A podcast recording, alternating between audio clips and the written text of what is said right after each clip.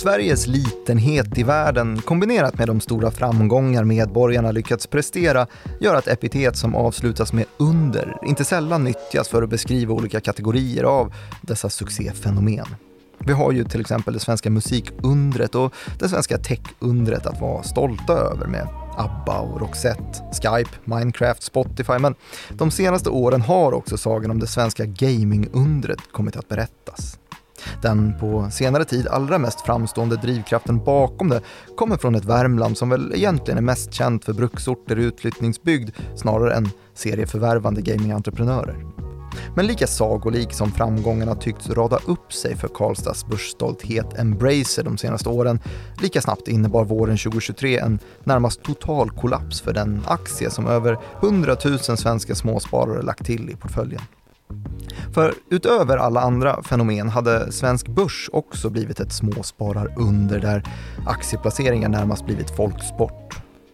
Embracers haveri den 24 maj 2023 var av sällan skådat slag när marknaden plötsligt tycktes tvivla på allt den geniförklarade vdn Lars Wingefors byggt upp. Och när den svarta onsdagen lades till handlingarna ställdes frågan.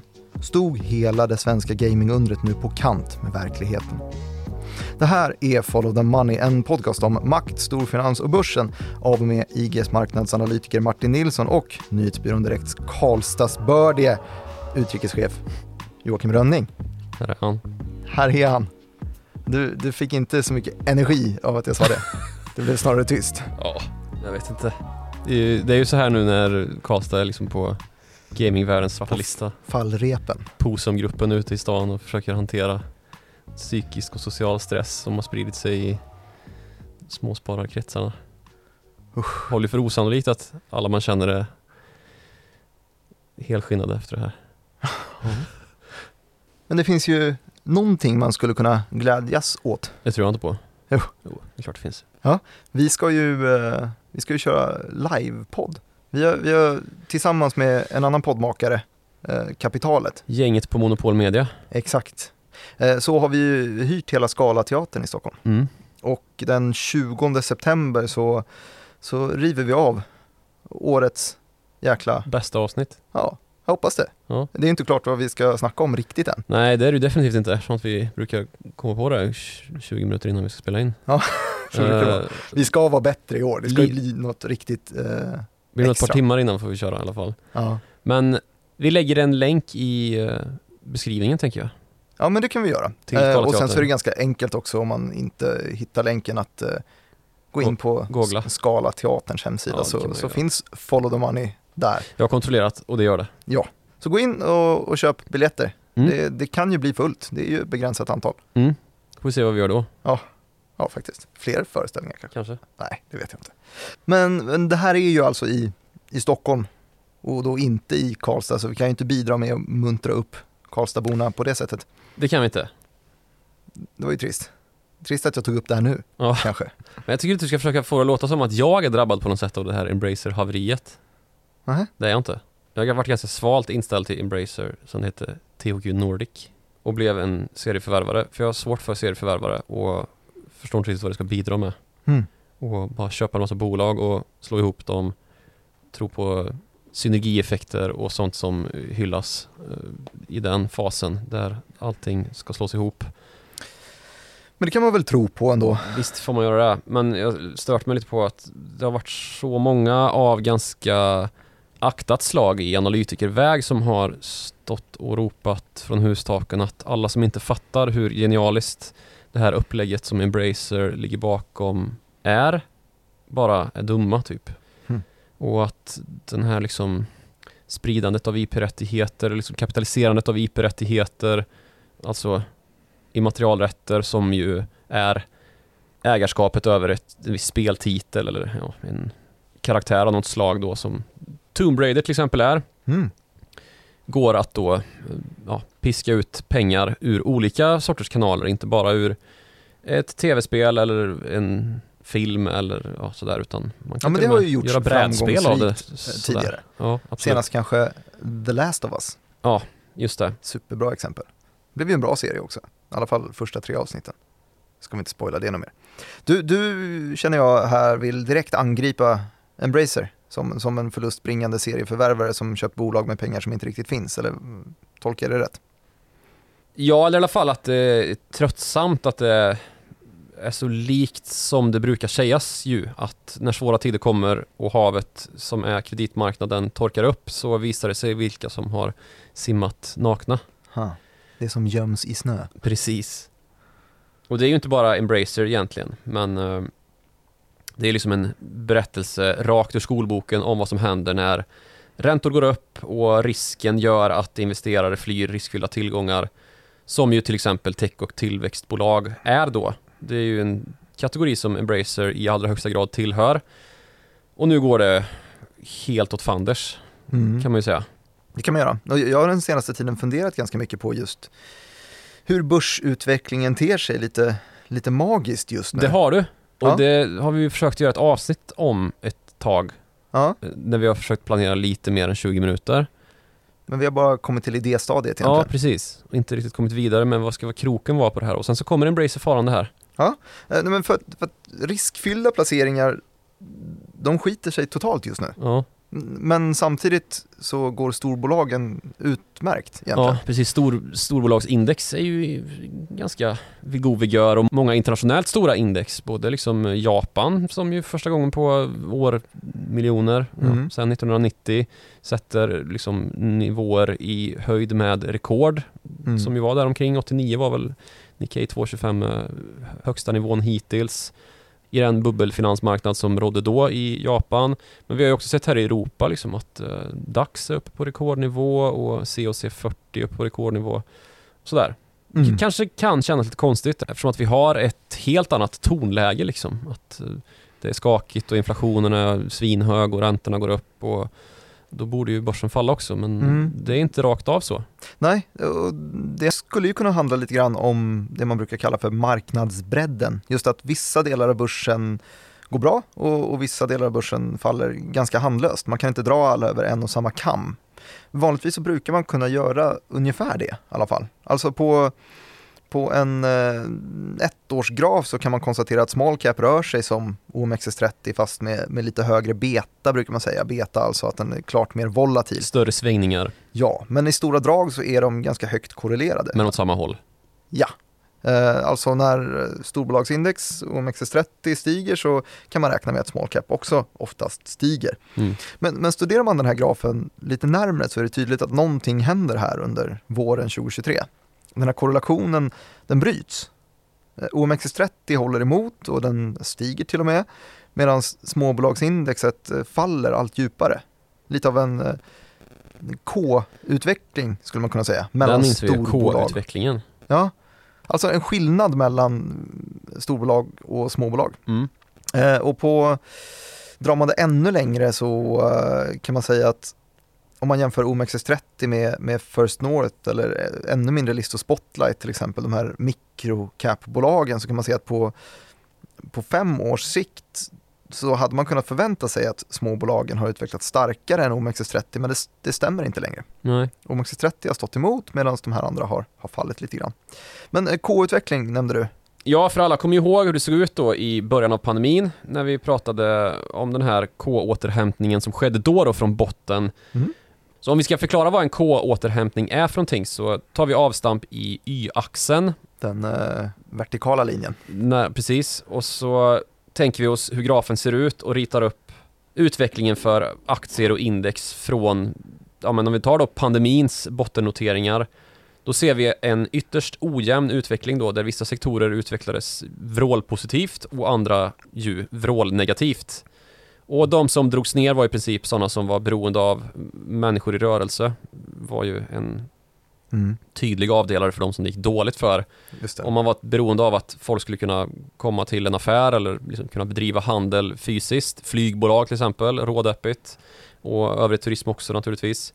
Biltillverkare hade också jättetufft, butikskedjor med liksom ingen parallell e-handelslösning att komma med, hade det jävligt kämpigt. Mm. Och här gick grafen då snett neråt och snett uppåt då gick det istället för bolag vars lösningar kunde möjliggöra att ekonomin kunde fortsätta i ett parallellt spår, alltså hemarbete och dylikt. Och här fanns då aktier i sektorer som tech kommunikationshjälpmedel och vi hade e-handlare utan fysiska butiksnät, utan bara ett lager och skicka prylar ifrån. Så när H&M gick tungt så rusade Zalando, Boost och Lyko och såna här typ. Mm. Och det gjorde vi att vi såg den här K-återhämtningen då med Y-axeln då som ryggraden i K1 och de två linjerna ut därifrån var å ena sidan de som påverkades positivt av pandemin och å andra sidan de som påverkades negativt av pandemin då. Just det. Och vad vill vi komma fram till med den här spaningen egentligen? Det är att eh, det ser ut så nu också, även om det ser lite annorlunda ut. Det här var ju ganska tydligt sektorindelat, man kunde förstå att man under pandemin ville spela dataspel istället för att gå på bio Ja, till exempel. Och då kunde man ganska enkelt förstå varför. Men det här gången verkar det snarare som att den här K-uppdelningen handlar om eh, stora respektive små. ja, precis. Det är liksom skiljelinjen nu om vi flyttar fram den här Y-axeln i tid då så gör en liten omindelning men ganska mycket så handlar det ju också om att det har reverserat. Det är väldigt många av de vinnarna under pandemin Framförallt om vi tar gaming och Embracer som exempel så, så har det ju blivit en total reversal, alltså det har vänt spikrakt neråt i princip för de här bolagen. Och då har ju de blivit en del av den snett nedåtlutande grafen från att ha varit en snett uppåtlutande grafen i K1. Så nu tycks det då vara i större utsträckning många tunga och betydligt äldre bolag som, som fick stå tillbaks då med sina stora konventionella och stela affärsmodeller som inte klarade av att leverera under pandemin. Just att de det. istället då gynnas nu. Men det, det är ju en liten nyckel i det här. Du sa stora, tunga, stela. För det här är, man skulle kunna förvänta sig, eh, det här resonemanget jag hade med småbolag, att de är korrelerade med storbolagsindex men med lite högre beta. Eh, Det är en, en sanning som småbolagsförvaltare gärna lyfter. Alltså att det finns en, en form av market cap-effekt här. Att Mm. småbolag historiskt har genererat bättre avkastning på börsen. Till högre risk förvisso. Men jämfört med stora bolag så har de vuxit sina vinster snabbare och det gör de genom motsatsen till det du sa precis. De är inte stora och tunga utan det är entreprenörskap, det är innovation, det är strukturell tillväxt, det är förvärv och det är en anpassningsbarhet som, som kan förklara varför de eh, förtjänar lite bättre utveckling på Mm. sikt. Vet du en annan trend som har bidragit till den här utvecklingen? Nej. Jag. Alltså tech var ju stort och man satt hemma och hade inte så mycket att göra Mm. kanske. Framförallt inte när arbetsdagen i Zoom var slut. Nej, Så då kanske man intresserade sig för aktier via sin nätmäklare. så var det verkligen. Ja, och tillflödet av investerare av litet slag, alltså från småspararkategorin, flödade ju in på Nordnet och Avanza och deras eh, konkurrenter. Ja, de tjänade ju mycket pengar och framförallt kunde man ju, eh, det kom ju ut en rapport idag från Finansinspektionen Mm. Som eh, beskrev händelseförloppet under GameStop-hypen som Mm. vi gjorde ett avsnitt om. The eller meme stock tio rally. kanske. The Meme Stock Rally. Och där förklarar de då att eh, svenskar totalt förlorade 72 miljoner eller Mm. någon sån här märklig siffra. Och till dem kan jag säga att man har inte förlorat förrän man har sålt. Håll i nu! Ja. Nej, Eh, men eh, där så såg vi också, kommer du väl ihåg att eh, Avanza och Nordnet och de olika eh, större bankerna också tjänade ju otroliga pengar. mm. Vilka växlingsavgifter de plockade Precis, in det är ju det som är det lustiga med det här, att det var ju väldigt många nytillkomna då, unga män stod det ju i den här analysen från Finansinspektionen var de som eh, ja, deltog i det här fenomenet från svensk Mm. mark då. Och ganska många av dem var ju just nytillkomna investerare som intresserade sig för detta aktivistiska nästan fenomen ju att mäta ut hedgefonder som ju är the big bad guys i sammanhanget och Mm. såg det här som en Hat, kittlande uppgift. hat som drivkraft är inte lika rätt att, att räkna på som girighet som brukar styra börsen. Kanske. Men i alla fall att då som ovan investerare så hade man ju ingen koll på vad liksom valutaväxlingsavgifter och courtage gör med en investering. Så att investera i USA med småspararkonto kan ju bli ganska dyrt det. Mm. Och, ja, därigenom så konstaterar ju Finansinspektionen då att nätmäklarna var vinnarna på det här. Ja. Men i alla fall, i skuggan av detta fenomen då så, så skedde det ju också en stor tillströmning av sådana som inte bara var inne för att strypa ut eh, de, de stygga hedgefonderna utan också vanligt folk som började intressera sig för hur börsen rör sig och den rörde sig ju kraftigt uppåt under pandemin dessutom ju, vilket ju alltid bidrar till en sån här tillströmningseffekt och ett ökat intresse. Mm. Men ett av de allra bästa exemplen på hur investerandet nådde ut i stugorna är ju hur ett fåtal bolag med karismatiska grundare och VDR kom att bli så kallade småspararfavoriter. Och gud vad många det var som hittade dem. Ja, det är ett ord som jag tycker man ska akta sig för när ett bolag är en småspararfavorit. Varför då? För SBB och Embracer är Mm. två aktier som man har kallat för småspararfavoriter de senaste åren och det går i regel inte så bra på lång sikt Mm. Hittills. hittills. SBB har vi talat tillräckligt om Mm. för en stund, tänker jag. Men vi har lite grann väntat på det här som kom att ske i mitt barndomshemman i mitten på veckan här ju. Mm. För på onsdag morgon då så hände väldigt mycket på en gång. Efter dessutom en månad där det har hänt ganska mycket på en gång. Vad tänker du på då? Ja, Embracer ska presentera delårsrapport och i samband med den här delårsrapporten så kommer det en väldigt negativ nyhet som alla kritiker egentligen har sagt det här kommer ske Mm. och så gör det det och då tappas ju förtroendet fullständigt. Mm. Och för egen del så får jag ett meddelande från en gammal barndomskompis Mhm. som jag tycker ringar in lite grann av det här med småspararfavoriter och den helt dramatiska tillströmningen till aktiemarknaden från ovana investerare under pandemin. För då är det så att han undrar vad jag tycker att hans pensionerade mamma ska göra med sina Embracer-aktier som hon har lagt i portföljen. Hon har varit på First North och, och fiskat. Yes, det har hon uppenbarligen varit. Och väl varit vinnare kanske, ett tag i alla fall. Mm. Men eh, nu är ju aktien nere på en nivå som den inte har varit sedan 2018, alltså innan pandemin. Mm. Så det är ju ingen av dem som kom in under liksom, hypens allra mest kometartade år som nu sitter med en icke-realiserad vinst utan alla nu har ju gått med förlust Mm. som kom in under hypens dagar helt enkelt. Men var kom all uppmärksamhet ifrån då? Ja men Embracer gjorde sig ju stora genom att gå uppköpsvägen då som sagt och förvärva först spelutvecklare och därefter till och med brädspelsbolag ju med eh, lånade pengar och kapital dessutom i form av nytryckta Embracer-aktier. Så Embracer har alltså nyttjat den här håsen som uppstod på börsen under de glada dagarna med nollränta och pandemi och det var ju en tid där det uppstod total hype för all digital verksamhet, till exempel datorspel.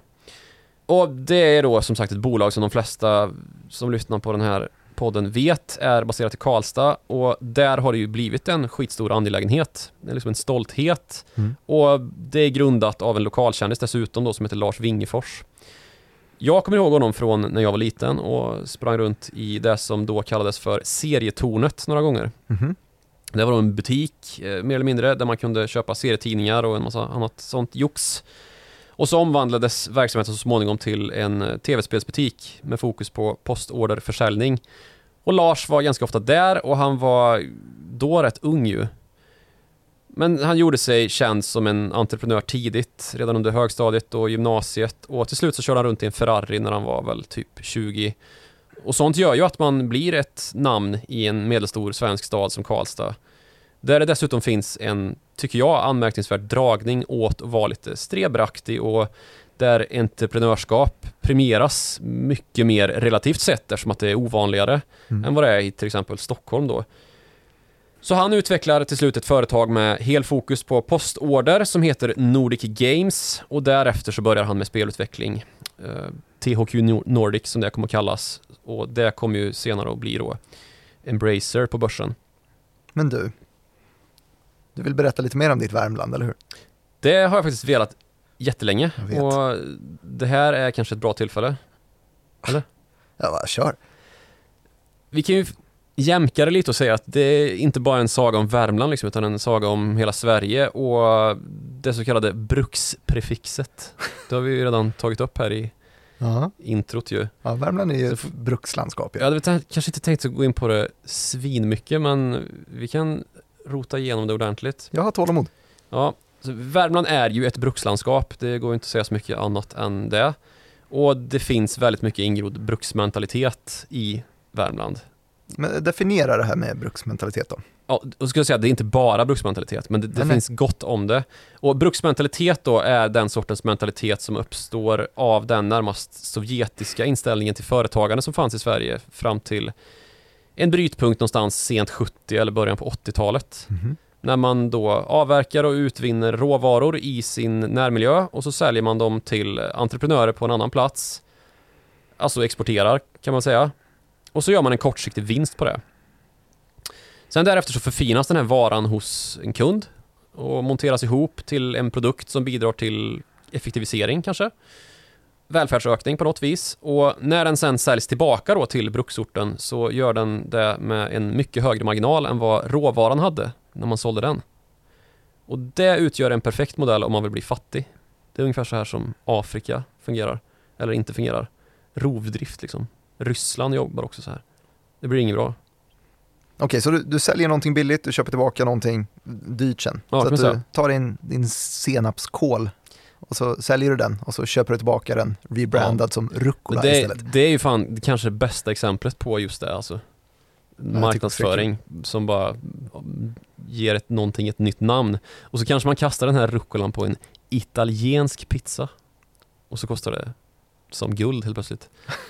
Ja. Och lite så har Bruksvärmland fungerat. Ja, man sålde trästockar framförallt som marts ner till geggamoja med låg marginal och så köpte man sen tillbaka då förfinade trävaror med högre marginal för att försöka bygga samhället. Typ. Det är Mm. en sån utarmningsaffär som eh, har kostat Värmland ganska mycket på sina ställen. Och det här gällde väldigt länge och var närmast centralstyrt då på var ort för sig. Och inte bara genom pappersbruken då. För ett pappersbruk eller en gruva eller ett järnverk, det spelar ingen roll. Det är liksom hjärtat i samhället som fick blodet att pumpa runt, gjorde en sak. Mm. Och det är inte alltid särskilt glam- glamoröst. Nej, Har du åkt genom Grums någon gång? tror det faktiskt. Det ligger ju, om man åker söderifrån och ska upp till Karlstad, Ja. så åker man ofta genom Grums om man kommer från kusten. Vad, vad är signifikant för Grums? Signifikant för Grums är att det ligger ett svinstort bruk där som tillverkar papper och kartong. Mm. Och det luktar skit där. För det gör det ju av en del pappersbruk, eller hur? Mm. Mm.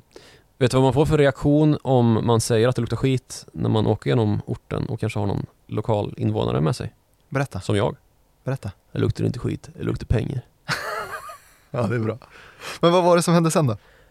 Ja, vi snackar då sent 70, början 80-tal så når alltså den lokala ekonomin en brytpunkt där marginalen för att sälja blir för låg jämfört med konkurrenter då som plötsligt kan leverera samma sak men samtidigt konservera en högre marginal utan att gå i konkurs.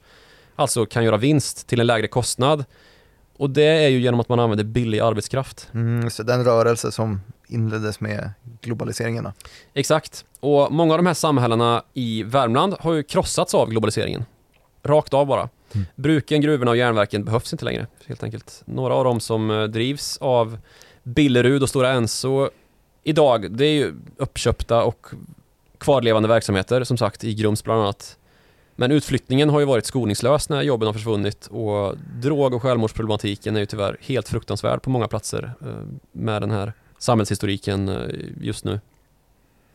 Och det som tidigare då var urfesten för socialdemokrati och vänster och kommunistpartier till och med, det är ju då festen för populistiska och rasistiska partier och risken för att det skulle sluta precis så här var ju i efterklokskapens kranka blekhet helt oacceptabelt hög om man bara hade satt sig ner på den tiden det gick bra att hålla på med bruksföretagande och fundera lite på vad är risken här egentligen? Vad säger det här ordspråket egentligen?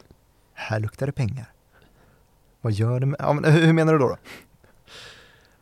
Det luktar pengar säger man. Ja, förlåt. Jo, alltså att bruket utgjorde hela systemet och samhället satsade på en enda häst liksom. Mm. Företaget som ägde bruket utrustade samhället med precis allt det behövde. Medborgarna gick till jobbet på gator som bruket anlagt. I brukets gatlyktors sken, kanske. Eller så åkte brukets buss till brukets grind med brukets arbetare som bodde i brukets bostäder på bruket liksom. Ja. Och på helgen så gick man och såg på match med det fotbolls eller hockeylag som till typ 100% finansierades av bruket. Tänk typ Degerfors eller om man ska flytta utanför Värmland så gäller ju det här även för Åtvidaberg. Mm. Alltså det fanns en enda entreprenör som drev hela samhället och det fanns utöver den entreprenören ingen som helst incitamentstruktur för annat företagande ju. Det behövs ju inte när bruket tar hand om precis allt. Alltså när bruket elektrifieras så e- elektrifieras hela bygden. Solen skiner från bruket och inget annat än bruket behövs. Men med det här så inbegrips ju också att när bruket misslyckas så slocknar allt för precis hela bygden också. Och när jobben försvann och samhället dog så funkar ingenting helt plötsligt. Så när som på de samhälleliga funktioner då som kanske tillåts av att ja, men kommunen kan få bidrag från staten som ger en viss lägsta nivå i form av någorlunda dräglig infrastruktur, barn och äldrevård och skola. Det har ju blivit fattiga bidragssamhällen idag det här. Och ska någonting överhuvudtaget skapas ur den myllan så krävs det också uppstartsbidrag från andra delar av samhället och det lyckas väldigt sällan, tyvärr. Mm. Ja, deppigt. Har du sett Smala Sussi? Nej. Har du inte? Nej. Det är sjukt av dig. Det är världens bästa film det, genom alla tider. Är det det? ja, det är det. Ja. Och den är då en perfekt översiktsbild över det här döende brukssamhället, kan man säga. Bruket har lagt ner, det enda som finns kvar är knarkande arbetare utan jobb. I en scen där när Erik frågar Pölsa vad det är för knarkare som sitter och knarkar i hans soffa, så svarar Pölsa Nej, det är bara några fina arbetargrabbar. Nu har de inget jobb i och för sig, eh, så nu är de bara fina grabbar. Ja.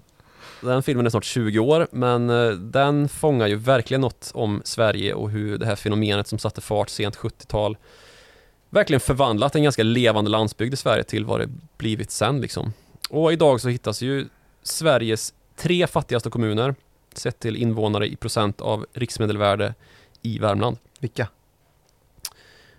Filipstad, Årgäng och Eda är det. Men, men du pratade ju om att det också fanns entreprenörskap i, i Värmland. Ja, precis. Och det har det alltid funnits också. För det har, ett annat Värmland liksom har varit present samtidigt som den här riskfyllda brukstillvaron har skett då i eh, inlandsvärmland eller vad man ska säga. Om man då ska skilja inland från kust. För det finns faktiskt kustnära bygder i Värmland. Va? Mm, i Sjödalarna liksom, kring Vänern, som du väl känner till ändå. Ja. ja. Och så finns det Fryken också. Ah, den lilla söta fröken Fräken. Just det. Ifrån Fryken. Exakt. Ja. Där är det då varmare klimat, kustklimat rent av. För de är så pass eh, stora och djupa, Vänern och Fryken. Mm. Och här så frodas då en liksom, nybyggaranda som gett drivkraft nog att överleva globaliseringen som nötte ner den här Sovjetmodellen som gällde i brukssamhällena. Så där är ju då ett Värmland som fortfarande lever och frodas i högsta grad.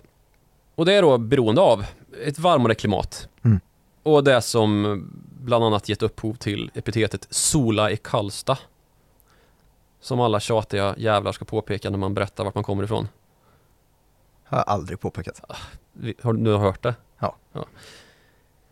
Så på vissa orter då så klarar sig jordbruket bättre eftersom att den här kombon sjöbotten och värme utgör bördig mark helt enkelt. Bördigare mark i alla fall.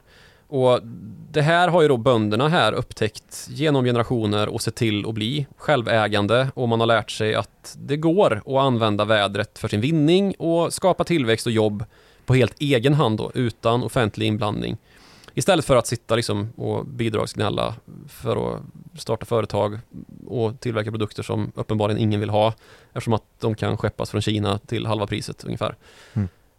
Istället är då mentaliteten den omvända här att det är ingen annans fel. Du är ditt eget slits produkt ungefär.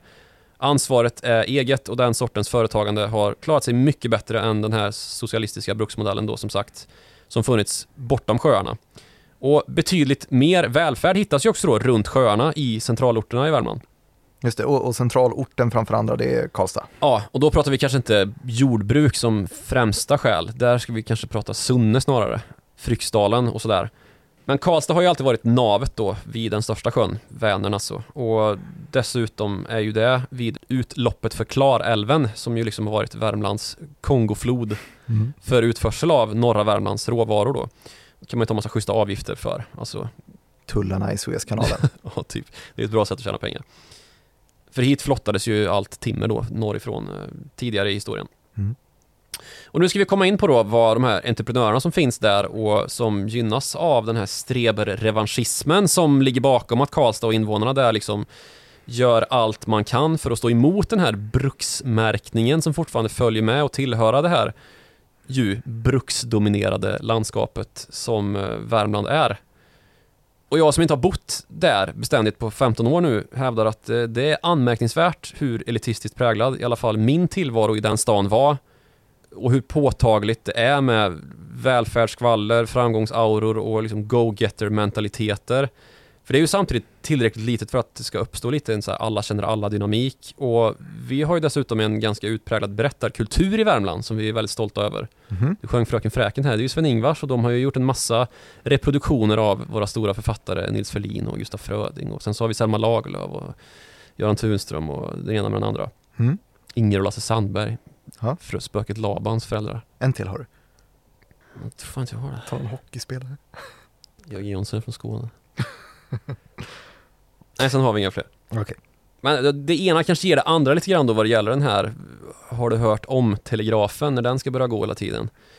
Högst förvärvsinkomstlistorna i din kommun, löpsedlarna du vet, Mhm. i Expressen och Aftonbladet. De gick inte förbi obemärkta när man gick på högstadiet och gymnasiet direkt. Och, och Lars Wingefors i, i Ferrarin har liksom blivit det främsta exemplet på entreprenörer som lyckas. Ja, nu är det ju det verkligen det alltså. Mm. Och som sagt så har det ju pratats om honom ända sedan jag var liten och jag är 36 nu. Och det finns ju några större bolag i stan också då sen gammalt. Löfbergs kaffe, kanske mest känt, och Mm. min omåttligt snåla för detta arbetsgivare NVT-gruppen.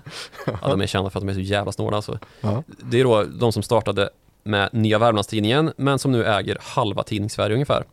Annars har det ju varit tunga industrin. Uddeholm, Nordic Paper, Rottneros och Moälven och såna här bruksövertagare. Som varit de stora. Men om vi nu ska prata internationell succé så kan man ju lätt säga att Lars Wingefors på allvar tagit techvärlden till Karlstad. Och nu blomstrar faktiskt Karlstad som techstad. Märks på bostadspriser, låg arbetslöshet, höga löner, alltihop. Men, men Embracer i sig är väl inte så stort? I, alla fall, I Karlstad är man Karlstad. inte så stora, nej. Det är väl mer det att Wingefors har blivit den som getts stadens nyckel liksom. Mm. Uh, man brukar säga att man aldrig blir profet i sin egen hemstad, men det är nog eh, det han har blivit, i alla fall fram tills nu då. Och det kryllar ju av strebrar som på ett eller annat vis jobbar med koppling till techbranschen i Karlstad idag. Utöver honom också.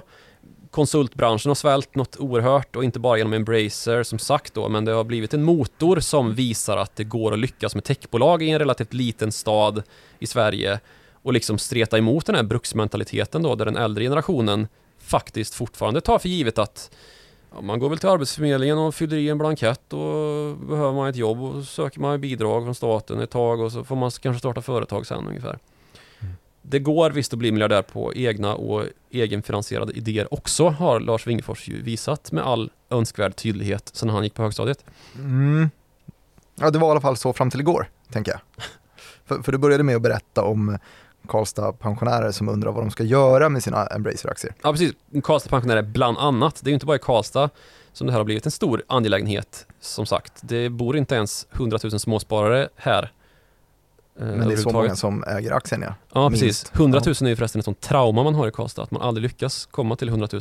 Hmm. Man gör en sats, man får in Ikea. Nej, det blev nettoutflyttning ändå. Starta universitet. Nej. Brain drain. Nej, jag vet inte. Brain drain. Ja. Men Embracer har ju blivit ett av Sveriges mest omsjungna bolag. Men från att ha varit ett av, Sver- ett av Sveriges mest omsjungna bolag så var det ju tveklöst så att eh, på onsdagen här så var det inget annat än Sveriges mest omsjungna bolag. ja, gud nej. För när börsen öppnar då så kraschar aktien med 30% och när börsen stänger 8,5 timme senare så är aktien ner med ytterligare 15% till ett haveri på 45%. Så nära en halvering av aktievärdet, marknadsvärdet har kollapsat. Så nu är inte Wingefors lika mycket miljardär längre. Det är han ju inte. Eh, han är ungefär hälften så mycket miljardär, 45 procent ja. kan man ju sammanfatta.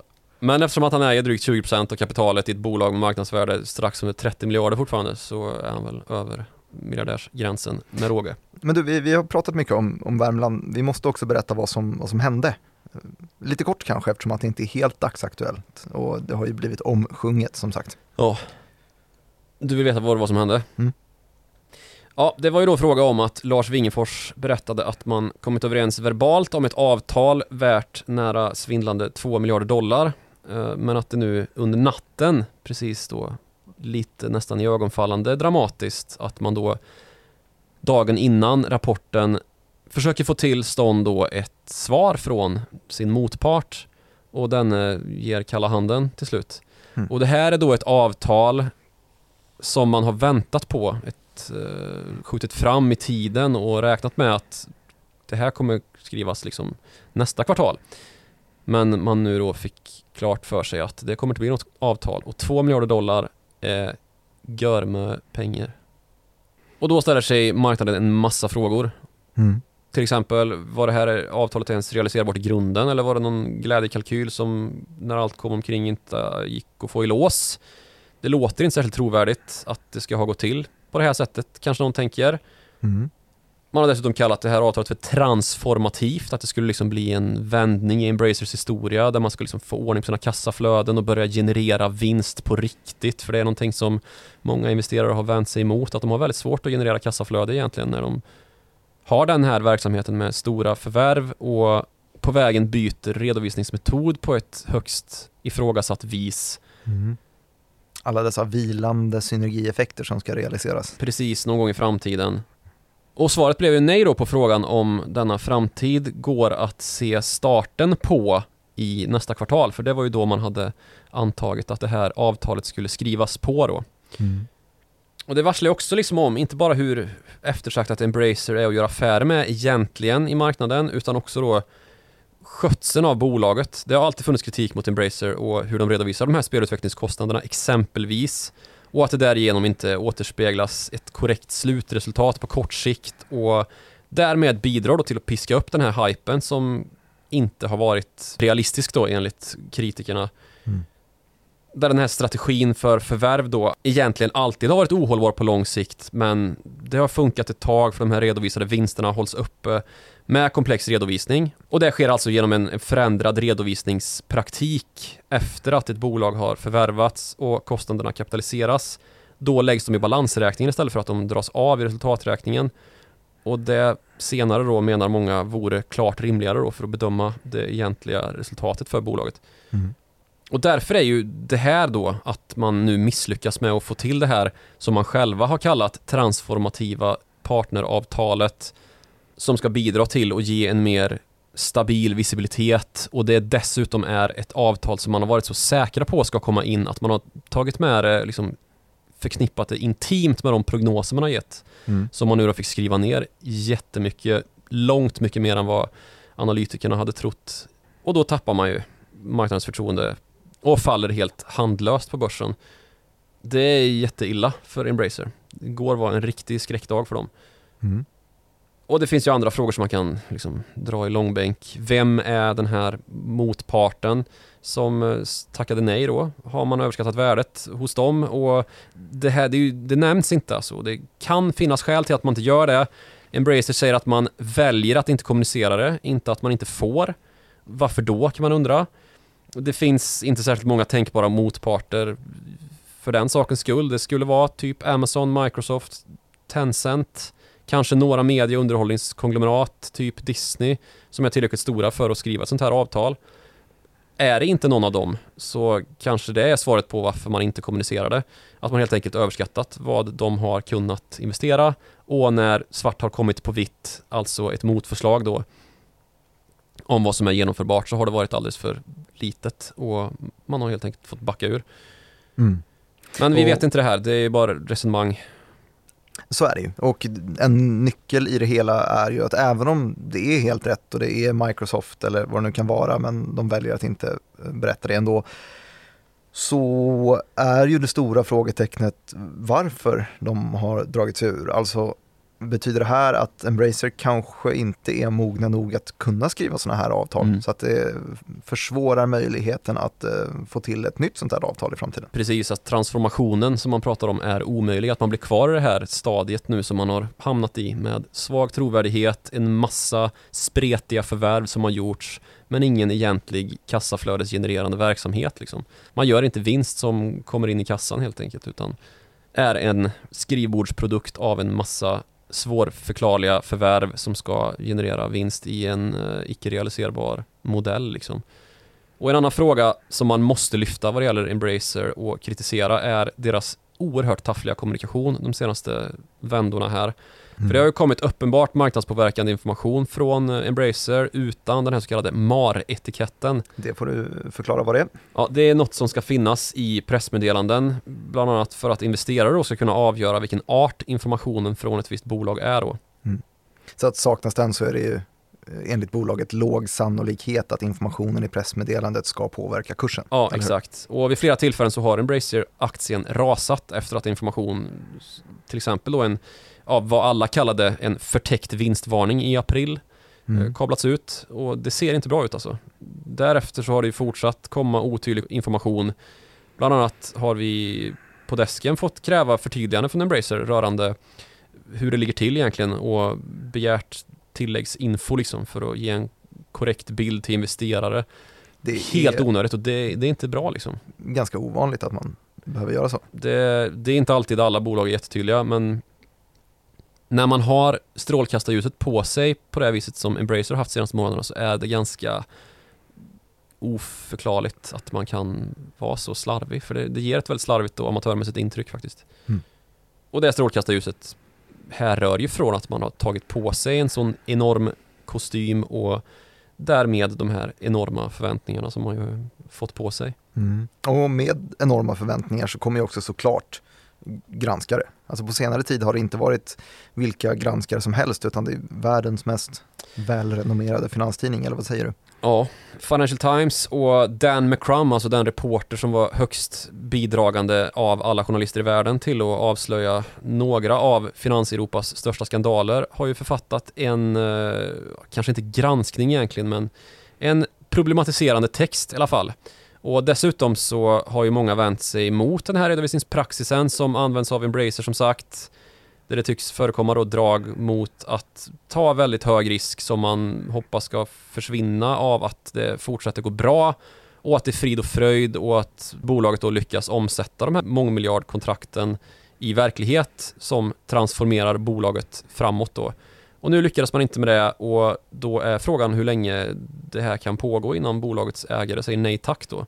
Och om de ägare som ersatts med stora aktieposter i Embracer när de har sålt sina bolag så småningom är villiga att se värdet på deras förmögenheter rasa innan det blir en självförgörande dödsspiral för det här bolaget. Det Just vet det. man ju inte. För det är ju precis så det går till, det nämnde vi kort i, i introt också ju, att mm. eh, när Embracer som har varit på förvärvsresa har hittat en eh, spelutvecklarstudio eller vad det nu kan vara och eh, köpt den så har man ofta betalat genom att trycka upp nya aktier mm. som då eh, det, motparten tar i betalning. Ja, och med de här emissionerna som görs då, alltså att man trycker upp nya aktier och betalar ägarna till bolag som köps upp då av Embracer, då följer ett så kallat lock-up-avtal. Mm. Och en annan ägare, den näst största närmare bestämt, har fått aktier i Embracer just på det sättet. Man köpte nytryckta aktier i Embracer och blev näst största ägare efter Lars Wingefors själv då med en post på knappt 10%. Mm. Det rör sig då alltså om Saudiarabiens statliga investmentfond. Ja. De har ett lockup-avtal som löper ut om nio dagar när vi sitter här på torsdagen. Och eh, lockup-avtal det är 25 det maj. Avtal man skriver eh, som förhindrar en från att eh, sälja direkt. Ja, precis. Så att först om nio dagar så får de sälja om de vill. Och då pratar vi alltså att man har rätt att vräka ut sitt innehav då. 8% är det väl närmare bestämt i början av maj här. Så det kommer ju på en ganska dålig tidpunkt. Det ska mm. man vara nervös för om man är Embracer-ägare. Mm, just det. Och sen så är det ju så också då att en hög aktiekurs är ju serieförvärvande bolags bästa vän. Eftersom att du kan köpa mer och fler bolag med de här nytryckta aktierna som då kan ges en hög kurs som används som betalmedel ju i förvärvsaffärerna. Men motsatsen är ju en mardröm och där är vi nu. Den här smekmånaden för gaming som var pandemin är historia och nu ska drömmar omsättas i praktik och det går skit. Mm. Och då är risken då att de som har fått aktier i de här affärerna, alltså bolagen som man har köpt, tidigare ägare, vill konservera en del värde genom att ja, sälja aktier helt enkelt. Mm. Och de här avtalen brukar ju löpa på ja, men, två, tre, fem år. Jag har inte exakt koll på hur Embracers strukturer ser ut i de här lockup-avtalen men nu har det ju gått några år sedan många av de stora affärerna gjordes så det är ko på is här alltså. Mm. Wingefors fick den här frågan igår såg jag i eh, en av alla de intervjuer som han fick genomlida Mm. och då sa han att vi har aktieägare då som är våra uppköpta bolags tidigare ägare som tror på verksamheten och nu är de ägare i Embracer, många av dem och de gillar sina bolag och de vill inte abandon ship liksom men ja. Men det, det, är frågan vad man vet där liksom. Eh, och det, det kan mycket väl stämma och det, det tycker jag att det, var, det lät som när, när Savvy Games Group också klev in, alltså saudiska här, med, eh, som är helägt av PIF. Journalisthatande Mohammed bin Salman. Som Mm, är, han är ordförande i PIF. Ja, just det. Eh, när de gjorde det här köpet för eh, snart ett år sedan då, så, så var ju strategin långsiktig och det kan den säkert vara nu också. Ehm, för att jag plockade upp och läste deras eh, årliga strategiuppdatering. Alltså, Ja, där tog ordförande bin Salman ordet och det blev ganska snabbt tydligt att fokuset för Savvy Games Group det är geografi. Det är Mm. lite nyckeln för att eh, Saudiarabien ska komma in i värmen, lät det som. De vill eh, helst av allt att bolag ska förflytta verksamhet till Saudiarabien och bilda en fysisk hubb där. De Mm. eh, skriver om att de ska etablera 250 nya gamingrelaterade företag och skapa 40 000 nya jobb i Saudiarabien. Och jag tycker nu att det finns två spår, tre spår. Eh, Ett av dem lite mindre omskakande än de andra. oh, Eh, Men, men du kan få de här. För att, eh, Ja. Spår ett är då att Savvy Games Group de använder den här nyvunna krisen till att erbjuda sin hand igen till Ja. Embracer. Rädda bolaget, eh, se till att de har pengar nog att klara det här i utbyte mot att en stor del av eh, Värmland flyttar till mm, varmare land. ja, så var det med den entreprenörsandan och strebermentaliteten. Ja men exakt, för, för det är lite så vi har sett att, eh, att saudierna arbetar. Ja. Eh, och också någon spaning vi hade för eh, ett tag sedan här att vid en kris, det är då man verkligen får se eh, bolagsledarna att göra sina val och Embracer har ju redan gjort det valet med att plocka in Saudiarabien som eh, ja, men största ägare utöver eh, vd själv. Värmland blir varmare och varmare. Ja, så är det. Eh, det andra spåret är väl att eh, bin Salman är besviken på utvecklingen Mm. och släpper kallblodigt. Alltså det är inga pengar för dem, Nej. innehavet i Embracer och det skulle ju få aktien att totalkrascha om Ja, de skulle vara tömma. Eh, ja. Och man ska kanske inte överdriva risken för det, för det är ett litet innehav det här i PIFs totala portfölj liksom. Mm. Men man ska inte heller underskatta deras totalt annorlunda beslutsgångar. Alltså, Ja, det, ju- det har ju gått ganska snabbt tidigare det har gått ganska snabbt i vissa klart mer avgörande frågor som till exempel när man startar priskrig med Ryssland i oljemarknaden och alla minns när oljeterminerna plötsligt rasade ner under noll för första gången någonsin och bensin och diesel kostade typ en tia helt plötsligt. Det är Mm. ju också i början av pandemin vi snackar då. Just det. Eh, men det kanske är ett lite mer osannolikt spår tycker jag, att de skulle Mm. bara tömma ut sina aktier på, på marknaden. Absolut. Eh, Det tredje spåret som är lite mindre omskakande det är att, att inget händer. Mm. Att eh, Savvy Games Group de försvarar väl på sin höjd sin andel i nästa emission och så tuggar de på som att inget har hänt. Mm. Men, men nu har ju allt det här med transformativa avtal eh, redan hänt, Eller inte hänt. eller inte hänt, ja just det. Eh, vad har liksom grundoron hos, hos kritikerna i Embracer varit tycker du? Ja, men att det här med att förvärva bolag och nå stora synergier mellan olika spelutvecklande studior och, och nyttja rättigheter och skapa olika sorters spel och underhållningsformer. Att det inte fungerar och liksom fortplantar det på det här viset i verkligheten i lika stor utsträckning som Embracer har hävdat då. Du snackade om The Last of Us liksom, så det, det är uppenbarligen möjligt att göra på det här sättet, men i vilken skala liksom? Och hur mycket tur måste man ha för att saker och ting ska utvecklas i den riktning som man själv är fokuserad på. Alltså det är ju kultur det här liksom. Det handlar ju om att man ska ha lite flyt med vad folk är intresserade av just där och då liksom. Mm. Ibland så blir det helt snett med stora satsningar i den här branschen också. Vilket vi har sett massvis med exempel på. Men det har ju faktiskt varit någonting som Embracer och Lars Wingefors har lyft som en positiv grej. Alltså en av de bra synergieffekterna med att vara flera olika spelstudior. Att man står och faller inte beroende på ett enskilt spelsläpp utan det, det, aggregerade ska vara positivt men då och då så kan man ha en titel som har tagit tre år att utveckla men som inte genererar någonting. Nu låter du som en av de här analytikerna som läxar upp en när man säger att jag tror inte på det här. Det ska du ha. Ja. Och till syvende och sist så kommer ju allting ner till Kommer investeringarna då som det krävs att man pumpar in i spelutveckling och rättfärdigas av vinster som genereras av spelen i slutändan liksom. Det är Mm. Den allra mest enkla förklaringen och visst liksom att man sprider sina risker med att ha en massa olika bolag men det finns också jättemånga exempel på så kallade roll-ups där man då bara köper bolag och antar att värdet på helheten är större än helhetens olika enskilda delar liksom. Att den inte riktigt stämmer. Mm. Att synergieffekterna uteblir, att det finns väldigt mycket kultur faktiskt i det också liksom att även om man köper på sig en massa olika bolag så finns det så radikalt annorlunda internkultur i de olika grenarna att det är svårt att liksom samarbeta och nå potentialen i att ha allting under samma tak och jag vet att det inte är precis så det utspelar sig i Embracer att man pratar mycket om att nej men de ska få behålla sin unika kultur i vart och ett av bolagen men så har det låtit förut också liksom. Mm. När det kommer till kritan så är synergieffekter mycket krångligare än vad det låter och det tenderar lätt att bli de här luftslotten och skrivbordsprodukterna, alltså skisser som låter jättebra i modell och teori men som sen när det ska ut i verkligheten bara inte funkar. Det är mycket komplexare än vad...